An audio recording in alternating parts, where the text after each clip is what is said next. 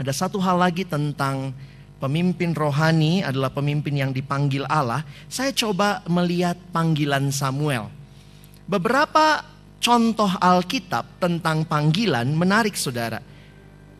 Beberapa nabi ataupun mungkin rasul di dalam panggilan Allah buat dia yang dia sadari adalah siapakah aku. Beberapa begitu ya. Jadi begitu dipanggil, tak Musa dipanggil, Musa pergi bebaskan umatku. Fokusnya Musa apa? Siapakah aku ini Tuhan? Yesaya juga begitu. Aku tinggal di bangsa yang najis bibir. Kalian lihat Yeremia. Nah menarik sekali panggilan Tuhan kepada Samuel nggak ada gitu-gituannya ya. Nggak ada pergumulan dirinya semata-mata. Tapi ketika Tuhan bicara kepada Samuel, apa pesannya?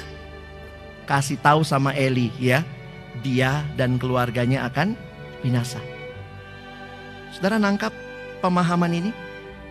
Sehingga waktu saya mencoba menggabungkan keduanya, saya melihat begini, ketika kita bergumul tentang panggilan, jangan semata-mata bergumul panggilan hanya bicara tentang diri kita Tuhan aku takut, aku takut begitu ya. Sehingga bisa jadi kita tidak mendengar panggilan-panggilan yang Tuhan nyatakan.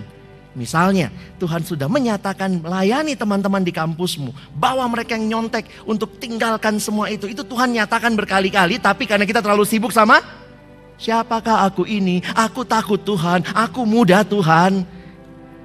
Itu penting. Gabungkan keduanya. Tapi ketika engkau melihatnya secara utuh, maka saya tidak tahu Tuhan panggil hidupmu seperti apa. Masih ingat Nehemia? Nehemia juga nggak ada pergumulan diri ya. Tidak terlalu jelas kita lihat pergumulan dirinya. Langsung begitu dia mendengar kabar, dia masuk dalam pergumulan.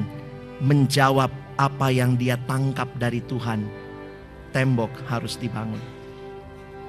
Oke, saya harap kita yang lagi bergumul, ketakutan-ketakutan, Tuhan pasti sertai.